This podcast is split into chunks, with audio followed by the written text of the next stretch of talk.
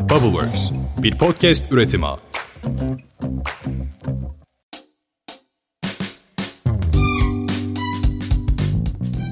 Selamlar, Podcast Boşları hoş geldiniz. Ben Seha. Ben de Atakan. Active Ventures ve Bubbleworks Media işbirliğiyle hayata geçirdiğimiz podcast serimizin ikinci bölümüyle seninleyiz. Active Ventures CVC direktörü Sanar Mescioğlu ve Efrey kurucusu Mehmet Eray bu bölümde konuğumuz. Saner'le Active Ventures'ın Mindvest girişim sermayesi fonunun yatırımlarını, kimlere yatırım yaptıklarını, fintech ekosistemine katkılarını ve gelecek hedeflerini konuşacağız. Aynı zamanda da Mindvest'ten yatırım almış olan Efrey'in kurucusu Mehmet'ten de hem bu yatırım sürecini hem girişimcilik hikayesini hem de Efrey'in nereye gitmek istediğini dinleyeceğiz. İşin girişim ve yatırım tarafını aynı bölümde dinleyecek olmanın mutluluğuyla sözü konuklarımıza veriyoruz. Hoş geldiniz. Merhabalar Seha, selamlar Atakan. Merhabalar herkese. Selamlar, hoş geldiniz. Valla bu işlerde girişimcileri ağırlamak, yatırımcıları ağırlamak her zaman bir keyif ama özellikle böyle bir birleşimle beraber gelindiği zaman iş çok daha değerli geliyor bize. Çok teşekkür ederiz burada vakit ayırıp konuk olduğunuz için. Yani biz de çok teşekkür ederiz. Benim için de açıkçası çok değerli, keyifli. Mehmet ile burada sizlerle birlikte olmak. Bize de bu fırsatı sunduğunuz, bizi ağırladığınız için çok teşekkürler. Ne demek abi keyif de. Ya istersen heyecanlıyız. Bayağı Evet. bir an önce bir tanıma kısmına doğru geçelim. Saner abi sen Mindfest Girişim Sermayesi Fonu'nun yatırım süreçlerinden sorumlusun. Mehmet sen de Efrey'in kurucususun. Bize bir kendinizi tanıtarak başlayabilirseniz çok sevinirim. Saner senden başlayalım abi istersen. Tabii.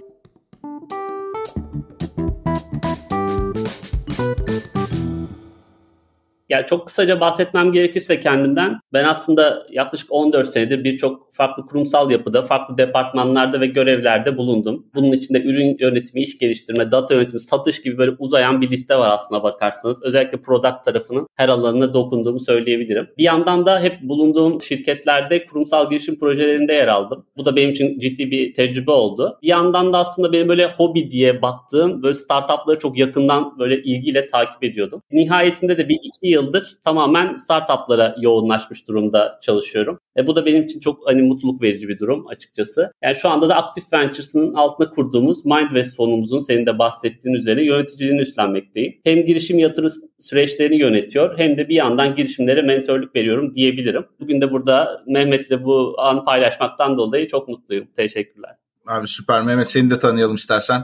Tabii. Selamlar herkese. Sizlerle olmak bizim için de çok keyifli. Bize yer verdiğiniz için çok teşekkür ediyorum öncelikle. Kuruluş hikayemizden bahsedeyim biraz. Kuruluş hikayemiz İrlanda'da başladı. Ben Türkiye'de birkaç yıl vergi ve denetim alanında çalıştıktan sonra yüksek lisans için eşimle birlikte İrlanda'ya taşındım. Ve yaklaşık 5 yıl kadar İrlanda'da finansal risk yöneticiliği yaptım. Ve artık bir noktada şunu hissettim. Yani öyle bir noktadayım ki Türkiye'ye mi döneceğim yoksa İrlanda'da kalıcı mı olacağım?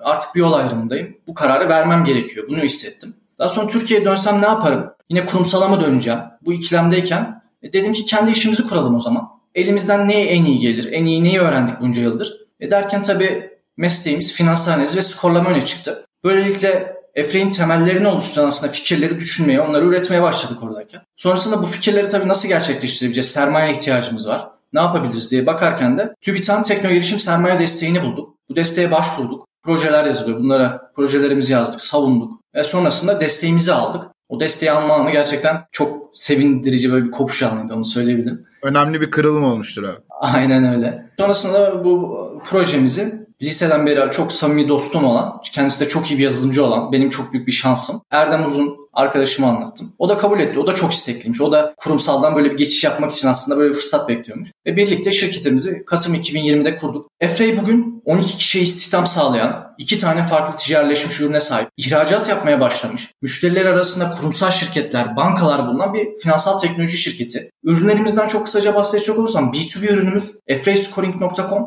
borsa yatırımcılar için bir finansal analiz platformu. Borsa yatırımcılarına hisse alım kararlarında ihtiyaç duydukları temel ve teknik analiz setlerini sunuyor. Böylelikle bilinçli karar vermelerine yardımcı oluyor. Diğer ürünümüz B2B ürünümüz ise jetscoring.com. Bu ise bankalar ve kurumsal şirketlerin kredi süreçlerinin otomatizasyonunda kullanılıyor. JetScoring'in iki tane çok önemli özelliği var.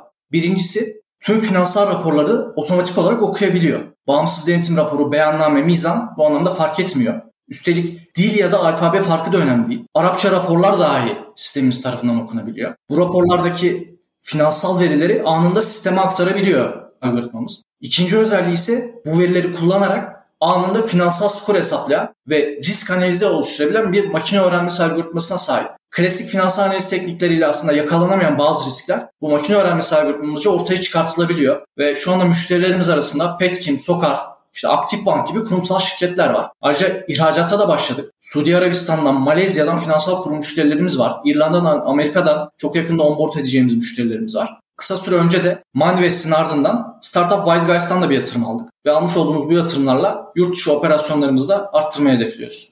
Abi valla süper. Tam bir girişimci kası örneği gösterdin aslında. Biz normalde abi bir girişimini daha detaylı bir şekilde tanıyalım. Kimin hangi problemi nasıl çözüyorsun, işin hikayesi nedir, nasıl ortaya çıktı, ne nasıl bir ihtiyaçta doğdu falan diye bir konuyu açmak için sorduğumuz soru var ama sen gayet oraları özetledin. Fakat yine de eklemek istediğin bir taraf varsa işin bu konularıyla ilgili onları alabiliriz. Eğer yoksa da hemen ardından Mindvest'e doğru bir geçiş yapabiliriz. Valla girişimci mikrofonu buldu mu sonuna kadar anlatır bırakmaz. ben de hazır mikrofonu bulmuşken söyledim. Teşekkürler. Tamamdır abi süper. Zaten daha buradaki çeşitli hikayelere doğru da giriş yapıyor olacağız. Merak ediyoruz çünkü. Çok da kulağa heyecanlandırıcı geliyor. Emeğinize sağlık. Böyle çok yeni yakın zamanda kurulmuş bir girişim olarak biraz önce bahsettiğim gibi o teknik altyapının kuvvetli oluşu ve belli ki takımla da ürün hizmet arasında da bir uyumdan kaynaklanan hızlı bir ilerleme olmuş. Çok da güzel bir örnek. Şimdi biraz bir MindWest tarafına da geçiş yapmak istiyoruz. Tam olarak nedir? Bize bir bundan bahsedebilirsen çok seviniriz. MindWest nedir? Güzel bir soru. Teşekkürler. Evet. yani MindWest aslında çok temel anlamda bir kurumsal girişim sermayesi fonudur diyebiliriz rahatlıkla. Türkiye'nin en büyük yatırım bankası olan Aktif Bank'ın kurumsal fonu ile aslında fırsat gördüğümüz, gelecek gördüğümüz girişimlere stratejik yatırımlar yapıyoruz. Ve onların bu yolculuğunda, zorlu girişim yolculuğunda onlara eşlik ediyoruz diyebilirim. Yani biz hem banka olarak hem de Aktif Ventures olarak biraz yapısı farklı bir kurumuz. Burada çok girişimci bir yapıdan, devamlı şirket kurup büyüten bir yapıdan bahsedebiliriz. Sizler de tanıyorsunuz. Ya aslında MindWest olarak da kendimizi Startup Minded CVC olarak tanımlıyoruz. Bu ne demek? Yani bir yanda evet yatırımcı şapkamız var tabii ki. E burada yatırımcı olarak destek alıyoruz. Ama bir yandan da girişimcilerin perspektifinden onların bakış açısıyla baktığımızı düşünüyoruz. Bu da bizim onlarla iletişimimizi bence kolaylaştırıyor. Ciddi bir avantaj sağlıyor. Yani onların bu zorlu yolculuğunda elimizden gelen tüm desteği vermeye çalışıyoruz özetle MindWest tarafında. Harika abi. Ya şey tarafında da şimdi Mindvest bir CVC'dir dedik. Peki burada kurumsal girişim sermayesi nedir? Orayı da biraz açabilir miyiz? Evet yani CVC, Corporate Venture Capital, Türkçe'ye geçişi kurumsal girişim sermayesi olarak özetlemem güzel olabilir. Teşekkür ederim. Hani dinleyenlerimiz arasında tam olarak hakim olmayanlar olabilir. Kurumsal girişim sermayesi dediğimiz olgu aslında esas olarak bir kurumsal şirket tarafından girişimlere yapılan sermaye yatırımlarıdır. İki tane temel amacı vardır kurumsal girişim sermayesinin. Bir tanesi tabii ki finansal getiri kaynağı sağlamak bu bir yatırım olduğu için çok net olarak anlaşılacağı üzere. Ama ikincisi ise ana şirketin aslında temel stratejik yetenekleri geliştirmek de bu kurumsal girişim sermayesinin ana amaçlarındandır. Yani burada şundan bahsedebiliriz çok rahatlıkla. Klasik geleneksel VC'lerdekinden biraz farklı olarak sadece finansal geri dönüş amacıyla yapılmaz yatırımlar. Stratejik olarak da kurumun önem verdiği alanlara, ilgi duyduğu alanlara yatırım yaparak her zaman kurum ile girişim arasında bir bağ oluşturulur. Ve aslında buradaki temel amaç da iki tarafın birden kazanmasıdır. Win-win süreçler oluşturulmasıdır. Bu şekilde özetleyebilirim aslında kurumsal girişim sermayesini. Umarım açıklayıcı olmuştur. Abi gayet açıklayıcı oldu. Bir yandan ben de ufak bir ekleme yapayım sonra bir sonraki akışa da geçeyim. Burada kurumsal gelişim sermayelerini gün geçtikçe ülkemizde daha fazla görüyoruz. Ama burada güzel işbirlikleriyle biraz önce bahsettiğin o stratejik yaklaşımla o girişimci mindsetiyle olaya yaklaşmak oldukça değerli bir şey ve çok da ihtiyaç duyulan bir şey. Bir yandan işte kurum içinde gördüğümüz kadar önemli bir avantajı oluyor. İşte kurumun doğrudan kendi içinde karar verip ayrı bir departman, ayrı bir birim kurup ona bir bütçe ayırıp o alanı denemesi başka bir şey. Hali hazırda işte burada Mehmet'in biraz önce bahsettiği işte bu örnekte olduğu gibi oradaki uzmanlıktan gelen ve çok daha hızlı, çok daha agile bir şekilde hareket edebilecek olan bir yapıda belli bir sermaye ile, belli bir know-how desteğiyle o denemeyi yapmak çok başka bir şey. Çok çok daha verimli bir versiyonu aslında. Hep yurt dışında da gördüğümüz işte çok büyük şu an hayatımızda olan girişimlerin de buradan çıktığını duyuyorduk, dinliyorduk, okuyorduk. Şimdi bu tarz sizlerin hayata geçirmiş olduğu bu yapılar sayesinde ülkemizde de bu alanda güzel gelişmeler oluyor. O yüzden bir emeğinize sağlık demek istedim. Sağ ol. Çok teşekkür bence yorumlarında çok doğru tespitler içeriyor ve çok da değerli. Gerçekten kurumsal girişim sermayesinin hani rakamlarına da baktığınızda dünya çapında toplam VC yatırımların içerisindeki payının da her geçen gün arttığını görüyoruz. Bugün %30'lara çıkmış durumda aslında kurumların yaptığı yatırımların toplam VC yatırımların içerisindeki payı ve çok devamlı olan da bir yükseliş trendi var. Aslında bunun da böyle devam edeceğini öngörüyoruz. O açıdan kurumsal girişim sermayeleri önemli. Girişimciler tarafından da iyi analiz edilmesi gereken yapılar olduğunu nacizane söyleyebilirim. Evet kesinlikle. Yani özellikle burada sizin gibi venture builder yapısı olan ve hani e, ekiple de bu seri boyunca tanışma fırsatımız oldu. Gerçekten ortaya işte bir kaynak sunmanın ötesinde ya gel bunu beraber yapalım bak destek olalım şurasını çözelim burasını da birlikte çözelim gibi beyin fırtınaların yapıldığı bir ortamda olmak işi bir yandan bu smart money seviyesini de çok yukarıya taşıyor. O yüzden çok değerli ve bizi merak ettiğimiz bir noktaya doğru da götürüyor aslında. Burada sizin Efre ile bir araya gelişiniz sürecini orada yaşananları çok çok merak ediyoruz. Yaklaşık 5 ay önce bu yatırım haberini yayınladınız ve yatırım sürecinin başından sonuna kadar kurulan iletişimler, buradaki karşılıklı yaklaşımlar, hazırlık süreçleri, beklentiler neler oldu, nasıl oldu çok merak ediyoruz. Böylece belki sizin de kapınızı çalmak isteyen girişimciler için veya işte başka yatırım ağlarına gitmek isteyen belki yatırım ağları tarafından dinleyenler için de güzel bir örnek ortaya çıkacaktır diye düşünüyorum. Sener yine istersen senden başlayalım abi. Onun ardından Mehmet'ten de onun yaşadığı deneyimi dinleyelim. Tabii Atakan hemen burayı anlatayım çünkü zaten çok keyif aldım bir süreç. Hazır sizler buradasınız, Mehmet burada, dinleyicilerimiz de bizi dinliyor. Herkesi yakalamışken. Aynen yakalamışken bundan bahsetmek çok isterim.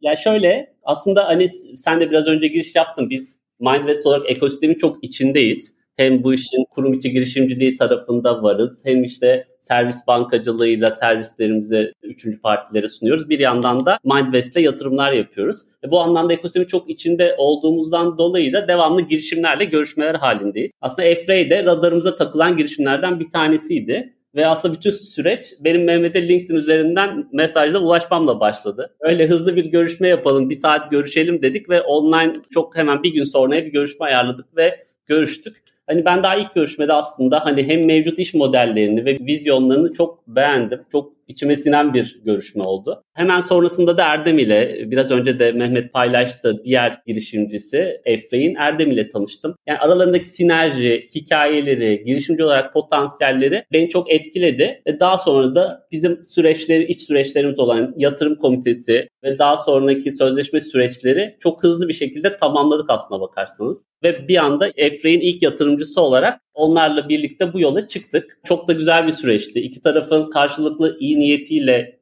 ilerleyen ve sonuç odaklı olduğu bir yapıydı. O yüzden çok temiz bir şekilde ilerledi ve Efre'in de daha iyi noktalara gelmesi için hep birlikte çalışıyoruz. Genel olarak süreç çok güzel ilerledi diyebilirim. Anladım süper. Mehmet sen neler eklemek istersin? Sanırım öncelikle teşekkür ederim güzel sözler için. Aslına bakarsanız biz de Erdem'le Mindvest'in vizyonunu çok beğendik aynı şekilde. E, şimdi burada aslında Türkiye'nin ilk servis bankacılığı platformu Aprilon'u kuran, yani fintech dünyasındaki dijital bankacılık dönüşümü önderlik eden bir vizyondan bahsediyoruz. Bu tabii ki çok hoşumuza gitti çünkü aslında bizim ürünlerimiz ve bizim vizyonumuzla da birebir örtüşüyor bu durum. Biz de fintech dünyasındaki bu dijital dönüşüme öncülük eden bir kurum olmak istiyoruz. Bence görüşmelerin hızlı ilerlemesinin temel sebebi buydu her şeyden önce. Tabii ki ekibin neyi neden yaptığını çok iyi bilen kişilerden oluşuyor olması. Bu da çok önemli. Bizi de çok memnun etti. Öte yandan yatırım süreçlerine değinecek olursam yatırım süreçleri gerçekten çok planlı ilerliyor. Müzakerelerde tabii ki farklı görüşmeler olabiliyor. Ancak karşı taraf sizin mantığınızı anlayıp gerekli değişiklikleri yapmayı son derece açık. Kesinlikle bizim kuralımız, kural setimiz bu gibi bir dayatma kesinlikle söz konusu olmuyor.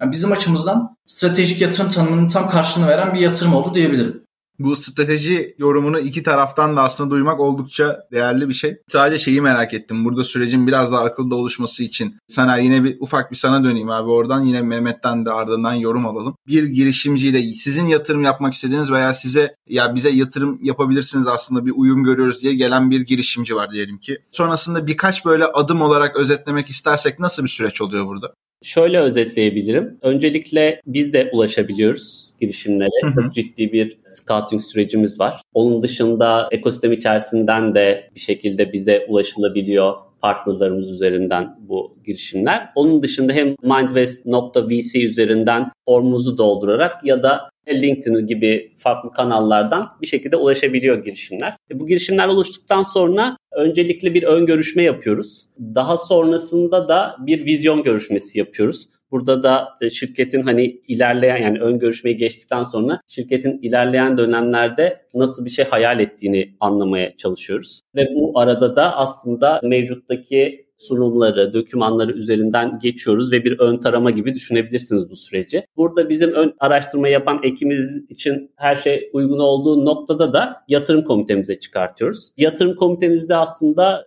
girişimciler çok kısa bir sunum yapıyorlar ve çok yine kısa sayılabilecek bir soru cevap sürecine ilerliyoruz. Soru cevaplarda daha sonra da aslında bir şekilde yatırım komitemiz kendi arasında bunu görüşüyor. Hem daha önceden zaten girişimin doldurduğu belirli formlarımız var. O formlardaki bilgilerle zaten girişimi belli oranda tanımış olarak komiteye geliyorlar. E, bu komitedeki sunum ve soru cevap seansından sonra da her şey pozitif olup ilerlerse bizim e, yönetim kurulu başkanımızın da onayıyla biz yatırımlarımızı neticelendiriyoruz. Hani böyle anlatınca belki de çok uzun gibi duyulabilir ama aslında öyle değil. Yani mesela Efre'ye benim bir mesaj atmamla gerçekten onların yatırım tutarının hesaplarını geçtiğinde arasındaki zaman iki ay olarak gerçekleşti. Yani bu gerçekten çok verimli bir süreç. Çünkü burada hem değerlendiriyorsunuz, tanışıyorsunuz, görüşüyorsunuz, birçok konuyu değerlendiriyorsunuz, komiteden geçiriyorsunuz. Bir de sözleşmesel süreçleri hallediyorsunuz. Avukatlar devreye giriyor ve en sonunda bir finansmanın sağlanması noktası var. Bu kolay bir süreç değil. Bunun iki ayda çözümlenmiş olması çok önemli. Çünkü Efre'in de devamlı yatırım süreçleriyle meşgul olmaması,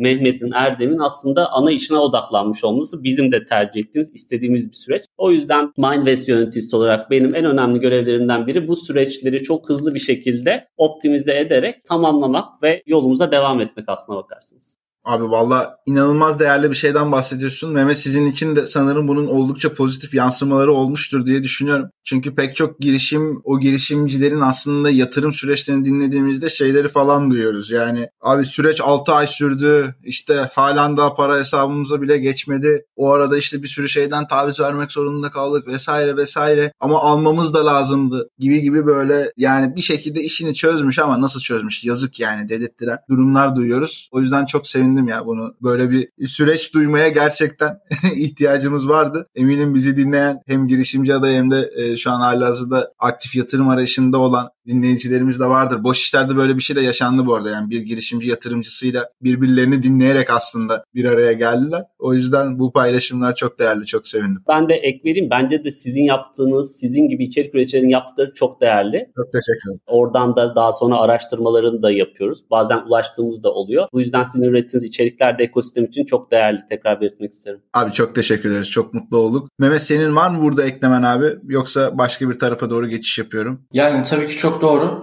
Girişimci olarak zaten çok fazla işimiz var. Bir de yatırım süreçleri çok ciddi zaman alan süreçler. Bunların uzaması gerçekten ürünün bile kalitesini etkileyen, bizim müşteriye ayıracağımız zamanı diğer tarafa kanalize etmemize sebep olan süreçler oluyor. Bu sebeple bizimkinin kısa sürmüş olması bizi de çok mutlu etti. Süper abi çok teşekkürler. Gerçekten iki tarafında birbirlerine yaklaşımı, süreci hızlandırmaları çok çok faydalı, çok çok verimli bizim için de. Burada Saner abi sana biraz da Mindface alanında hangi girişimleri destekliyorsunuz? İşte fintech alanı odaklandığınızı biliyoruz ama orayı biraz daha açabilir misin? Kriterleriniz neler? Burayı da netleştirebilirsek süper olur bizim için.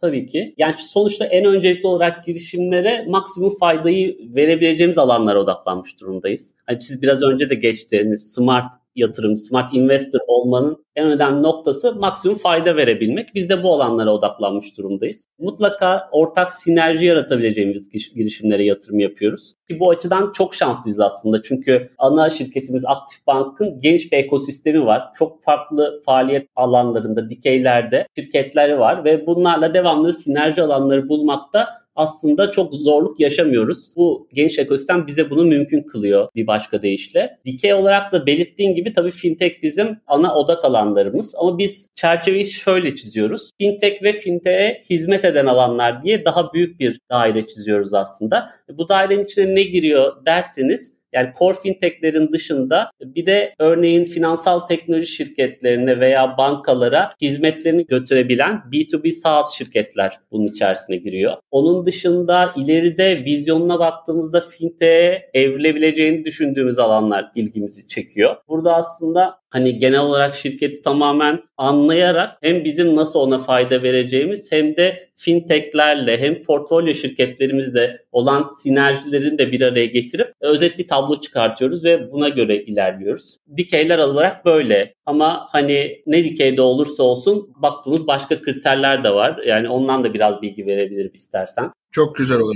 Tabii ya burada tabii tüm VC'ler benzer konulara bakıyor. Eminim dinleyicilerimiz de aşinadır artık sizin yaptığınız içeriklerde sayesinde. Bizde önemli olan tabii ki girişimciler. Gelişime açık, esnek, alanında bilgi sahibi olan, vizyonu olan girişimciler arıyoruz çok temel olarak. Girişimcinin fikri de bir noktada tabii ki önemli. Hani burada hangi pazara hitap edebiliyor, ne kadar derin bir pazardan bahsedebiliyoruz. En önemlilerinden biri iş modeli. Yani bir kere ürüne tamamen geçmiş olması lazım hizmetten ve ölçeklenebilir bir iş modeli olması lazım. Ve artık tabii ki de gündemimiz tamamen yurt dışına bu hizmetlerin ulaştırılabilmesi noktası. Bu anlamda bakıyoruz genel olarak. E biraz önce Mehmet aslında bunların hepsine ufaktan değindi yani. Bunları böyle hani alt alta toplasanız Efrey çıkar sanırım.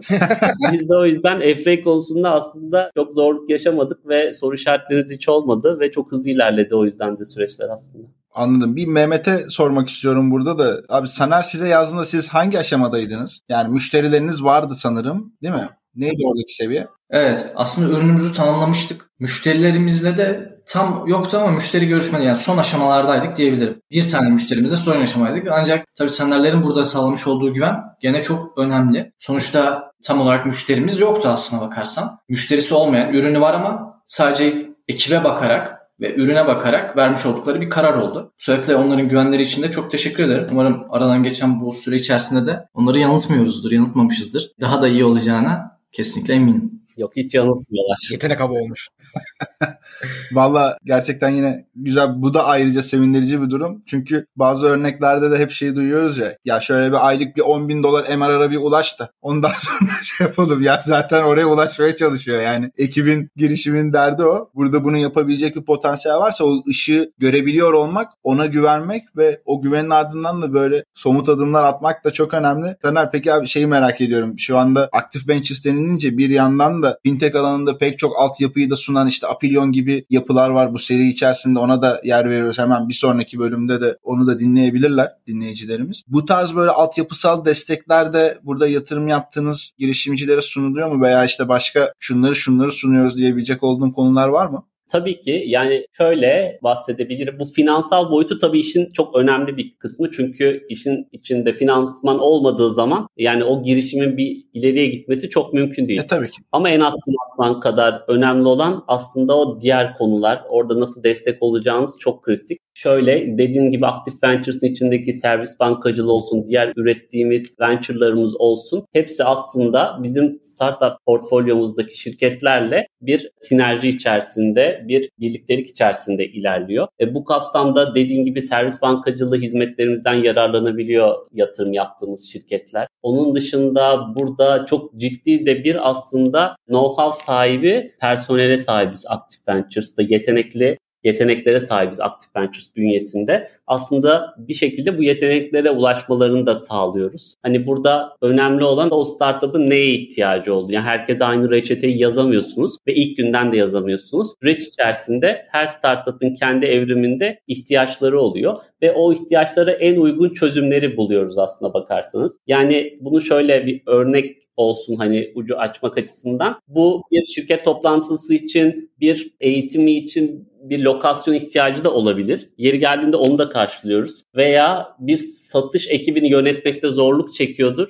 Bir satış bu konuda uzman, tecrübeli, yıllarını bu işe vermiş insanlara ulaştırıp onlara çok hızlı bir şekilde ve maliyetsiz bir şekilde aslında bu danışman desteğini de sağlayabiliyoruz. Sadece altyapı değil, süreç içerisinde ne ihtiyacı varsa biz orada ona göre şekilleniyoruz aslına bakarsanız. Burada tek amacımız var, önünü açmak ve onun engelleri bir miktarda olsa ortadan kaldırmasına yardımcı olmak. Tek hedefimiz bu. Anladım süper. Burada Mehmet hemen sana bir tekrar dönmek istiyorum. Bu Saner'in anlatmış olduğu işte konular içerisinde sen de aslında biraz önce bir değindin. Yani o satış sürecinde çok faydası oldu ama buradaki bu potansiyel bazı girişimci arkadaşların da olayı daha iyi anlamaları için ya tam olarak aslında şöyle bir hikaye yaşadık. Bu noktada Active Ventures ekibinden inanılmaz bir destek gördük vesaire diye anlatabilecek olduğum bir iki tane de olsa durum varsa çok seviniriz. Tabii. En öncelikle zaten banka tarafına yapmış olduğumuz satışta MindVest'in bizim için önemli bir katkısı olmuş oldu. Aktif Banka kredi süreçleri içerisinde e, yakın zamanda bir satış gerçekleştirmek üzereyiz. Burada tabii ki önemli bizim için bir katkı oldu. Bunun dışında Startup Wise Guys'tan yatırım aldığımızı söylemiştim. Startup Wise Guys'la bizi tanıştıran Saner olmuş oldu. O yatırımımızla da bir öncülük etmiş oldu. Oradan da daha sonra süreçlerimiz ilerledi ve yatırıma dönüştü. Yani bu kısa geçen 5 aylık süre içerisinde daha tabii ki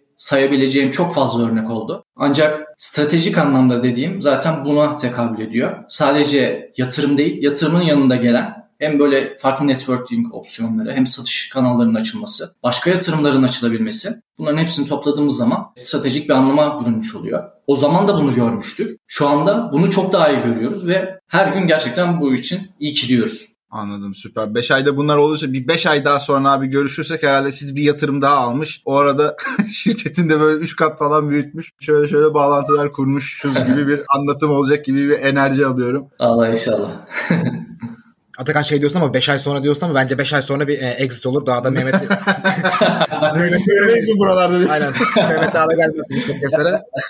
Saner sana dönmek istiyorum abi. Gerçekten hikaye dinlemek çok keyifli geliyor şu anda. Biraz daha böyle Mindfest tarafında kaç tane girişime yatırım yaptınız? Özet halinde bize biraz da veri verebilirsen süper olur gerçekten.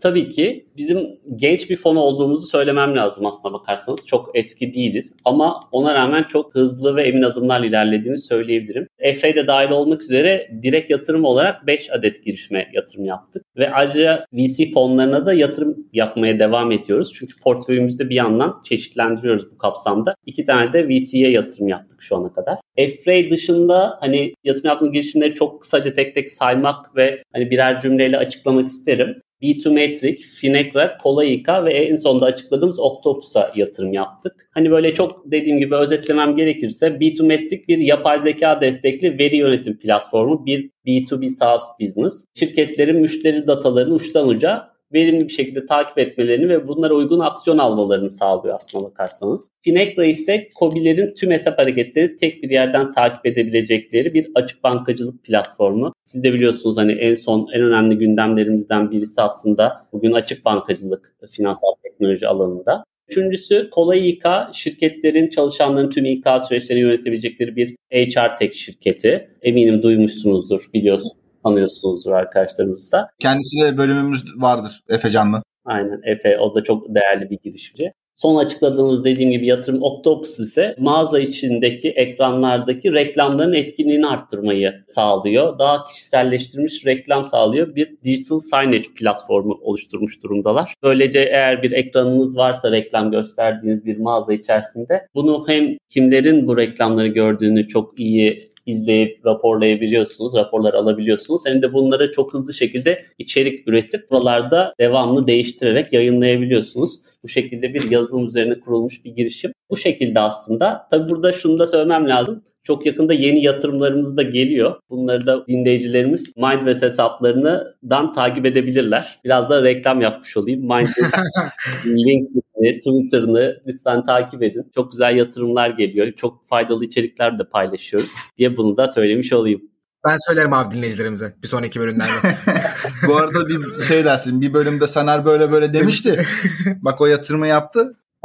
Tam bir stay tuned oldu. Süper takipte kalalım. Yani dediği gibi biz de dayanamaz söyleriz. Boş işlerde söylemesek 5 dakika teknoloji gündeminde söyleriz. Bir yerde mutlaka keyifle geçiriyor oluruz bu bilgiyi. Şimdi aslında burada sizden yatırım almak amacıyla gelen girişimcilerin nasıl bir seviyede olması gerektiği ile ilgili falan merak ettiğimiz konular vardı ama bunları belli bir ölçüde değindik. Eklemek istediklerim varsa tekrar alabiliriz bunları bu arada Saner ama belli bir ticket size tarzında bir şey var mı veya bir aralığınız mı var? Nasıl işliyor oradaki yapı? Tabii yani bir aralığımız var. Burada Bizim konumlandığımız nokta tohum aşamasındaki girişimler ve 100 bin ile 500 bin dolar arasında ticket size'larda yatırımlar yapıyoruz. Burada biraz önce saydık hani kriterleri aslına bakarsanız. Ürünün olması, müşterinin olması, belli miktarda müşteri validasyonu olması önemli kriterlerden. Ama mesela Efrain durumunda olduğu gibi artık hani biz ürüne ve ekibe inandığımız için burada henüz müşteri olmuyor olması bizim için değerli olmadı. Yani bundan dolayı yatırımdan kaçınmak, bunu riskli görmek gibi bir noktada olmadık. Bu açıdan aslında her startup'ın kendisine has e, bir yolu oluyor diyebiliriz bizim süreçlerimizde. Ama temel olarak aslında ürünü olan bir miktar müşterisi olan şirketlere başarılı olacağını düşüneceğimiz girişimlere yatırımlar yapıyoruz. Süper harika. LinkedIn'den mesaj bekleyin diyerek. Şimdi linkimi bırakıyorum aşağıya. DM'den gelirim abi şeyden. Mehmet biraz da sana dönmek istiyorum abi. Burada fintech ekosisteminde sen e, aktif olarak çalışıyorsun. Hem bu podcast serisiyle hem de şu anda Türkiye'de fintech ekosistemi hem çok ilgi çekiyor hem de pazarı çok büyük. Genç yetenekler buraya girmek istiyorlar. Birçok şey var. Ancak senden bir fintech ekosistem yorumu almak istiyoruz. Burayı nasıl değerlendiriyorsun? Sence ne gibi ihtiyaçlar var? Kurumsal yapıların bu alandaki rolleri neler gibi bize biraz fintech ekosistemini yorumlayabilir misin? Tabii ki çok teşekkürler. Türkiye'nin öncelikle fintech alanında öncü ülkelerden biri olduğunu düşünüyorum. Son yıllarda kamu otoritelerin ve yatırımcıların da ilgileri e, bu alanda yoğunlaşıyor. Bunu görmek mümkün, çok mümkün. Tabii fintech aslına bakarsanız çok kapsamlı bir alan. Bizim alanımız olan finansal skorlama ve robotik otomasyonlar alanı. Birazcık oradan bahsedebilirim. Bu alan hem skorlamaların hem de robotik otomasyonların yapıldığı dikey üzerinde yeni üretilen teknolojiler nispeten kolay alıcı bulabiliyor. Çünkü finansal kuruluşların en çok ihtiyaç duyduğu ürünlerin başında aslında verimliliklerini arttıran yeni teknolojiler geliyor. Bakarsak bu alandaki otomasyonlar ticari kredi süreçlerini ki ticari kredi süreçleri 5 haftayı bulabilen süreçler bu süreçleri %80 daha hızlı verimli hale getiriyor. Daha hızlandırıyor. Hem de bankalar aslında daha kaliteli risk analizi yapabilmelerini olmak sağlıyor. Son yıllardaki regülasyonlar da bu dijital dönüşümü destekler nitelikte. Hem Bazel Komite kararları hem Avrupa Birliği Komisyon kararları bankaların bu kredi süreçlerinde makine öğrenimi gibi, AI gibi yeni sistemleri, yeni teknolojileri destekleyen robotik otomasyonlar kullanımlarını teşvik ediyor. E, bunu çeşitli kararlarda görebiliyoruz. Türkiye'ye baktığımızda da bu yılın başında biliyorsunuz dijital bankacılık regülasyonları çıktı. Bu durum da tabii ki dijital dönüşüm oldukça teşvik etti. Artık ticari müşterilerin yani sıfır fiziksel temasıyla çok hızlı kredi alacağı bir bankacılık dünyası gelmek durumunda. Öyle bir dünya geliyor. Artık finansal dokümanların fiziksel olarak verilip haftalarca beklendiği, kredi kararları almak için bu kadar emek harcandığı bir dünya tarih olmak zorunda. Yakın gelecekte dijital dönüşümü yapabilen bu tarz finansal kurumlar yapamayanları oldukça zorlayacak bence. Bizim Jetskonik ürünümüzde bahsettiğim bu ürünü, bu dönüşümü tetikleyen ürünlerden bir tanesi. Anladım abi süper. Burada aslında bahsetmiş olduğun dönüşüm pek çok ekonomiyi ve pek çok sektörü de etkiliyor. Yani Mesela bu fintech alanındaki dönüşümden doğrudan etkilenen en önemli sektörlerden bir tanesi aynı zamanda sigorta sektörü. Çünkü orada da süreçler çok hantal, çok böyle zorlu bir şekilde ilerliyor mutlaka böyle acentelere bağımlı kalıyor. Nihai böyle bireyler için söylüyorum özellikle. Kurumlarda da benzer durumlar var ama orada da mesela şu anda aynı senin kredi tarafında söylediğin gibi nasıl çok hızlı kredi alınabilir hale geliyor belli limitlere kadar. Burada bir sigorta yaptıracak olduğun zaman, kasko yaptıracak olduğun zaman bunun bedellerini böyle 90 saniyelerde, 2,5 dakikalarda falan çıkartan girişimler görmeye başlıyoruz. Aslında bunun da arka planında biraz önce söylemiş olduğun gibi yine o finansal altyapıların gelişmesinden kaynaklı takip edilebilirlikle ilgili mekanismalar mekanizmalar var. Bu da olayı gerçekten çok daha etkili ve hızlı bir hale getiriyor. Serinin bir sonraki bölümlerinde de bunlara değineceğiz ama gerçekten bu finans dünyası buram buram hayatımızın çeşitli alanlarına doğru yoğun bir şekilde girmekte devam ediyor. Şimdi bölümün sonuna doğru da geliyoruz ama sizden birkaç böyle tavsiye niteliğinde yorum almak istiyoruz. Buradaki yatırım süreçlerinde işte fintech özelinde olabilir veya genel girişimci yatırımcı ilişkilerinde olabilir. Böyle birkaç tane tavsiye vermenizi istesek. Burada ilk üçünüz neler olur? Senler istersen yine senden başlayalım. Ardından Mehmet'le devam edelim. 3 olması da şart değil bu arada. Daha fazla söylemek istersen açığız abi. Bir tanedir budur dersen ona da okeyiz. Tamam ben aklıma gelenleri sıralayacağım. Siz sayarsınız olmadı sonrasında. tamam. Abi 2 oldu falan demiş. ben genel söyleyeyim yani fintech özelinde değil de tüm girişimcilere nalizane birkaç önerim olabilir. Burada öncelikle hani vizyon çok önemli. Hani vizyonlarını açık tutmalılar ve tamamen global düşünmeliler. Yani artık siz de biliyorsunuz dijital dünyamızda fikirler ülkeleri sığacak gibi değil. Kesinlikle hızlı şekilde dünyaya yayılabiliyor. Efrey bunun en güzel örneklerinden. İlk günden globale göre ürünlerin yapısını ve belki daha da önemlisi kurdukları şirketin kültürünü şekillendirmeleri bence çok kritik. İleride gerçekten globalleşebilmeleri için. İkinci olarak işin biraz psikolojisinden bahsetmek istiyorum. Bu kolay bir yolculuk değil, inişli çıkışlı bir yolculuk. Hani dışarıdan böyle girişimcilik çok havalı duruyor. Hani LinkedIn'de founder, co-founder diye belirtmek, hani işte böyle kartlar basmak falan çok havalı duruyor. Sanki sürekli kulüplerde geçen bir hayat varmış gibi abi değil mi böyle? ya bilmiyorum Mehmet en son kulübe ne zaman gitti. O yüzden de yani Mehmet çok iyi biliyor. Bu çok yoğun bir çalışma isteyen bir dönem ve e, problemlerle de boğuşma gerektiren ve hızlı problem çözme yeteneği gerektiren bir durum. O yüzden burada hani mental olarak insanın kendini çok iyi tutması çok kritik. Buna hazırlıklı olmalarını öneriyorum. Böyle başlamalarını öneriyorum. Hani bu başlamayın değil tabii ki yani ama bu Hı-hı. noktada kendinizi güçlendirin ve öyle bu işlere atılın ki sonra pes etmeyin, devam edin. Son olarak da gördüğüm genel yanlışlardan bir tanesi aslında odaklanma sorunu. Yani burada temel yapı startuplarda odaklanma olmalı. Genelde her şeyi yapmaya, yönelmeye yönelen bir eğilim var aslında ne yazık ki. Daha ürünleri ilk günden çok özellikli olarak planlıyor girişimcilerimiz genelde ve pazara girişte biraz zorlanıyorlar. Burada hani işte herkesin de bildiği MVP dediğimiz en hızlı şekilde pazara sunulacak ürüne odaklanmak daha da önemlisi müşterinin problemine odaklanmak çok kritik. Siz bunu bir an önce piyasaya sürün, müşteri dönüşlerini toplayın ve devamlı iterasyon yapın. Bu şekilde ancak adım adım üzerine koyarak ilerlemek mümkün oluyor. Hani şöyle özetlemem gerekirse 3'e düşürmeye çalışırsam global düşünmek, hani mental olarak hazırlıklı olmak ve net olarak odaklanmak diyebilirim. Anladım süper. Bu arada dinleyicilerimiz için söylüyorum. Saner'den biraz önce aslında tasarım düşüncesi ve Lean Startup yaklaşımlarının özetini de dinlemiş oldunuz. İşte oradaki o odaklanma tarafıyla, iterasyon yapma tarafıyla, sağdan düşünüp sahaya odaklanıp oradan öğrenip kendini oradan besleme tarafıyla çok çok değerli konularda abi. Gerçekten bizim de işte inovasyon danışmanlığı tarafında yürüttüğümüz işlerde en çok karşılaştığımız sorunlardan bir tanesi sahaya yönelmemekten kaynaklanan bir konu aslında. Bir de bir de rahatsızlığı. Yani diyoruz ki bir de şu var, bir de bu özelliğimiz var. Bir de aslında şunu da yapacağız falan. Bunlara gerçekten gerek yok. Bakın Mehmet en başta ne kadar özet bir yapı saydı. Muhtemelen içeride tabii ki pek çok konu var. Onların da aklında pek çok özellik var ama o ana değer önerilerini yakaladığın zaman işte biraz önce burada şu ana kadar dinlediğimiz gibi bir ilişki ve başarılar silsilesi geliyor. Mehmet sen neler diyorsun abi?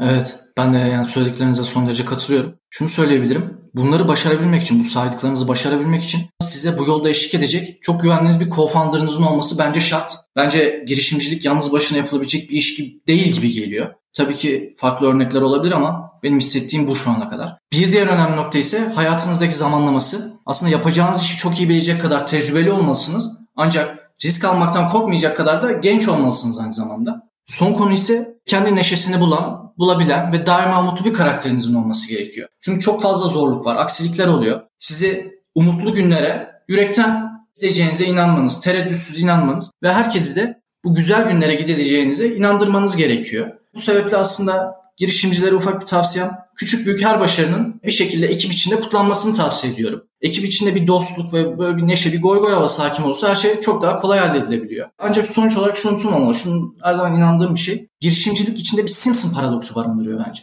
Yani genelleyerek baktığımızda oluşan trendler aslında bireysel bakıldığında kaybolabiliyor ya da tersine dönebiliyor. Herkesin hikayesi kendine özel burada. Herkes başarı yolunu kendisi buluyor. Bu bakımdan söylenen tavsiyeleri de pek aldırış edilmemeli. Herkesin yolu ve herkesin çizeceği yol farklı olabilir. Herkes başarıya farklı yollardan da gidebilir. Abi süper. Yani gerçekten sabaha kadar ikinizden girişimcilikle ilgili çok önemli bilgiler dinleyebiliriz. Susmanızı istemedim. Kapanışa geldik ama gelmese miydik? Ke- keşke gelmeseydik gibi oldu. Çok çok teşekkür ederiz gerçekten. Biz Podcast Boş İşler'de dinleyicilerimize hem böyle bir hobi, metodoloji, kitap, podcast, film gibi önerilerde bulunmanızı istiyoruz. Sana ilk senden başlayalım istersen. İlla girişimcilikle ilgili de olmasına gerek yok. Zaten harika bilgiler verdiniz. Onun dışında senin hayatını değiştirdiğini düşündüğün, sana bir şeyler kattığını düşündüğün bizimle paylaşabilir misin rica etsem? Tabii. Öncelikle bizim için de çok yani benim için çok keyifliydi şu ana kadar. Ben de bitmesini istedim. Madem o soruya geldik ona da tabii ki cevap vereyim. Ya şöyle günümüzde tabii içeriye ulaşmak için çok güzel bir dönem aslına bakarsanız. Yani videolar, podcastler derken e, kitaplar bile bugün aslında çok kolay ulaşılabilir hale geldi. Bu çok güzel. E, bir yandan da çok fazla dinleyecek bir şey var. Seçmek de önemli tabii ki. Yani ben şöyle bir iki tane benim aklımda yer eden, herkese de faydalı olabileceğini, girişimci olsun olmasın kitap önereceğim bahsedeceğim. İlk olarak şundan bahsedebilirim aslında. The Almanac of Naval Ravikant isimli bir derleme var aslında. Naval Ravikant'ı birçok kişi biliyordur AngelList'in kurucusu. Hem girişimci hem yatırımcı. Hayranıyız. Evet siz de çok iyi biliyorsunuz. Seha Müridi diyebiliriz abi. Benzer duyguları paylaşıyoruz o zaman. Süper. Bir gün ayrıca konuşalım abi seninle. Aynen. O zaman şu diyeceklerimiz çok sana tanıdık gelecektir. Yani diyeceklerim şu anda. Yani hem girişimci hem yatırımcı hem çok başarılı 2.2 milyar dolarlık bir servetten bahsediyoruz. Tabii başarının ölçüsü sadece para değil ama yine de bir parametre sonuçta. Bu kitap da aslında hani onun tüm tweetlerini, konuşmalarını, notlarını derleyen bir kitap. Ve hani mutluluğa ve zenginliğe bir rehber şeklinde servis ediliyor ama hani zenginliğin yanı sıra aslında bu başarı yolunun mutlu bir şekilde de evrilmesi konusu bence çok kritik. Orada gerçekten tak çalıştır yapılabilecek çok güzel tavsiyeler var. Hani ben de böyle okuyunca üzerine ciddi anlamda düşünmüştüm. Kendim için dersler çıkartmıştım. Ben hani girişimciler için daha da önemli bir kitap. Ama girişimci olmayanlar için bile aslında e, çok faydalı olabilecek bir kitap olduğunu düşünüyorum. Yani ikinci bir tane daha kitap söyleyebilirim. Burada da aslında çok bilinmeyen, az bilinen bir kitaptan bahsetmek istiyorum. Dala Yayıncılık'tan çıkan Mutlu Günay'ın Başlangıç isimli kitabını şiddetle öneririm. Bu yarı hayal, yarı gerçek olarak tasvirleniyor kitabın başlığında da. Yazar aslında tarihteki önemli hikayelerdeki gerçek bilgilerle kafasındaki kurguları harmanlıyor. Okumaktan çok keyif alacağınız kısa kısa öyküler halinde kronolojik bir sırayla size sunuyor. Yani siz aslında hem tarihin içerisinde yolculuk ediyorsunuz hem bazı tarihteki önemli bilgileri öğreniyorsunuz. Bir yandan da aslında yazarın o hayal dünyasının örnekleriyle bunu birleştiriyorsunuz. Bu da üzerinde ya ben de şöyle bir his uyandırmıştı. Ben gerçekten kitabı okurken kitabın bitmesini asla istemedim. İnce de bir kitap. Birçok kişiyi de sonra bu tavsiye ettim ve benzer dönüşler aldım. O yüzden de ben hani hem empati yapma yeteneğini geliştirmek adına hem de gerçekten zevk alabileceğiniz sizi düşüncelere itecek bir kitap olduğunu düşündüğüm için başlangıç romanını da mutlaka öneririm tüm dinleyicilerimize. Şahane. Gerçekten altına imza atılacak önerilerdi. Mehmet sendeyiz abi. Benim de 3 tane kitap önerim olacak. İlki bir diğer işimiz olan borsa ile ilgili bir kitap önermek istiyorum. Yani borsa ilgi duyan ancak yani nereden başlasam, hangi kitabı okusam diye düşünenlere önereceğim bir numaralı kitap Peter Lynch'ten Borsada Tek Başına kitabı. Gerçekten çok iyi bir başlangıç kitabı. İkincisi girişimcilikle ilgili bir kitap önermek istiyorum. Burada da yine yeni bitirmiş olduğum Stoyan Yankov'un Perform isimli bir kitabı var. E, neyin nasıl yapılması gerektiğiyle ilgili güzel örnekler içeriyor, yaşanmış örnekler içeriyor. Son olarak da e, hepimizin işleri çok yoğun oluyor. Hafta sonu biraz kafayı dağıtmak istiyoruz. Biraz kafa dağıtmalık bir kitap önereyim. Michael Krondel'den Lezzet Fetihleri isimli bir kitap var. Gerçekten çok güzel bir kitap. Kafa dağıtmalık bir kitap. Tarihe farklı bir perspektiften yaklaşıyor. Bu kitabı da gene hafta sonunuzu neşelendirmek için okumanızı önerebileceğim bir kitap.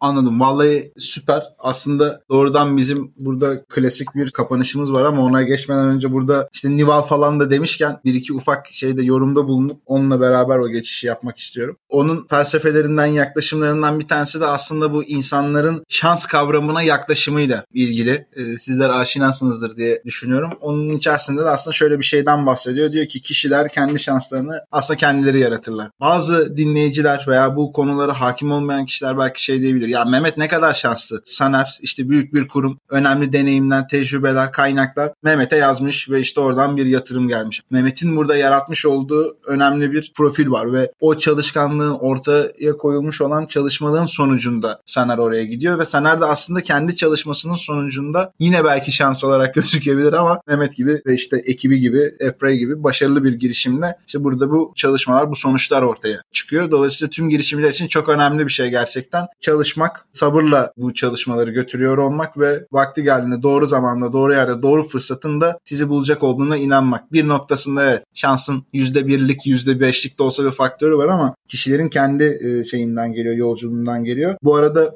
bizim şöyle bir şeyimiz de oluştu şu anda hemen Seha bir arka planda konuştuk. Saner'in önermiş olduğu kitap bizim elimizde var. Bu kitabı gerçekten ben okumak istiyorum. Buradaki konudan, bu anlatımdan etkilendim diyen bir dinleyicimize de bu kitabı doğrudan hediye etmek isteriz. Biz okumuştuk biraz böyle ufak tefek notlar ve bazı sayfalarında minik kırışmalar var ama bizden de hatıra olur diye düşünüyoruz. Bu serinin ve bölümün anısına bu şekilde ufak bir armağanımız olsun diye düşündük. Dinleyicilerimiz bize yazabilirler. Bir şekilde orada bir seçimde bulunuruz. Hatta ilk yazan diyelim şimdilik veya neden bunu okumak istediğini bize iyi anlatan birisi olsun. Tekrardan çok çok teşekkür ediyoruz Hem Mehmet hem Saner sana çok sağ olun, var olun. Biz bu girişimcilik yolculuğuna, daha doğrusu bu podcast yolculuğuna girişimcilik boş iştir diyerek çıktık. Nazire yapmak için bu ismi seçmiştik. Ee, onun ardından da işte girişimcilik kan ter gözyaşıdır diye başlayan pek çok böyle yorumu duyduk. Sizin için girişimcilik nedir? Orada girişimcilik nokta noktadır diye yazsak nasıl doldurursunuz? Saner istersen önce senden alayım. Ben bunu tabii yayından önce bir düşündüm. Tahmin edersiniz.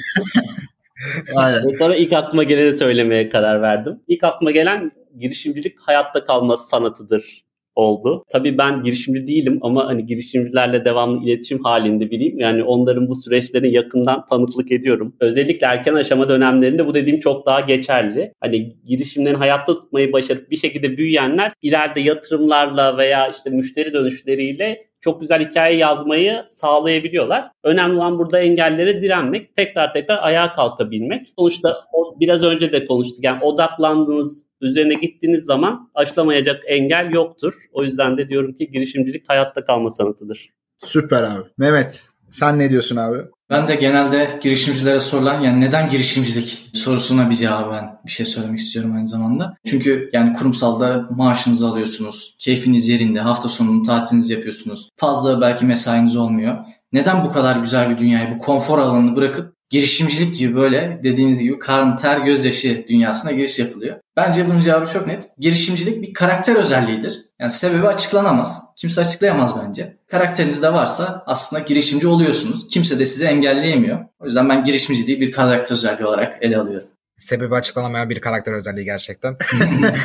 Şey gibi ekşi sözlük e, başlığı gibi sebebi açıklanamayan bir karakter özelliği. Hemen altında girişimcilik.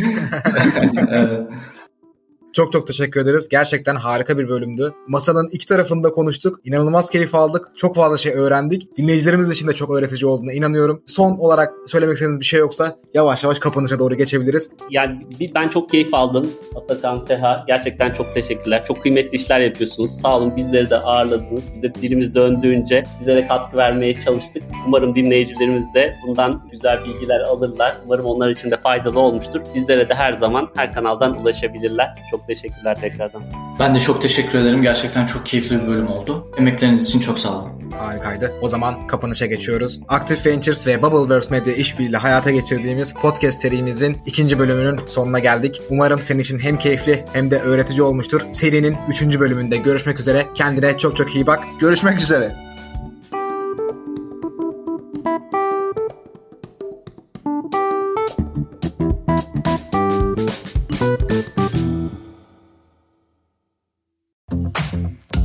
Bubbleworks bir podcast üretimi.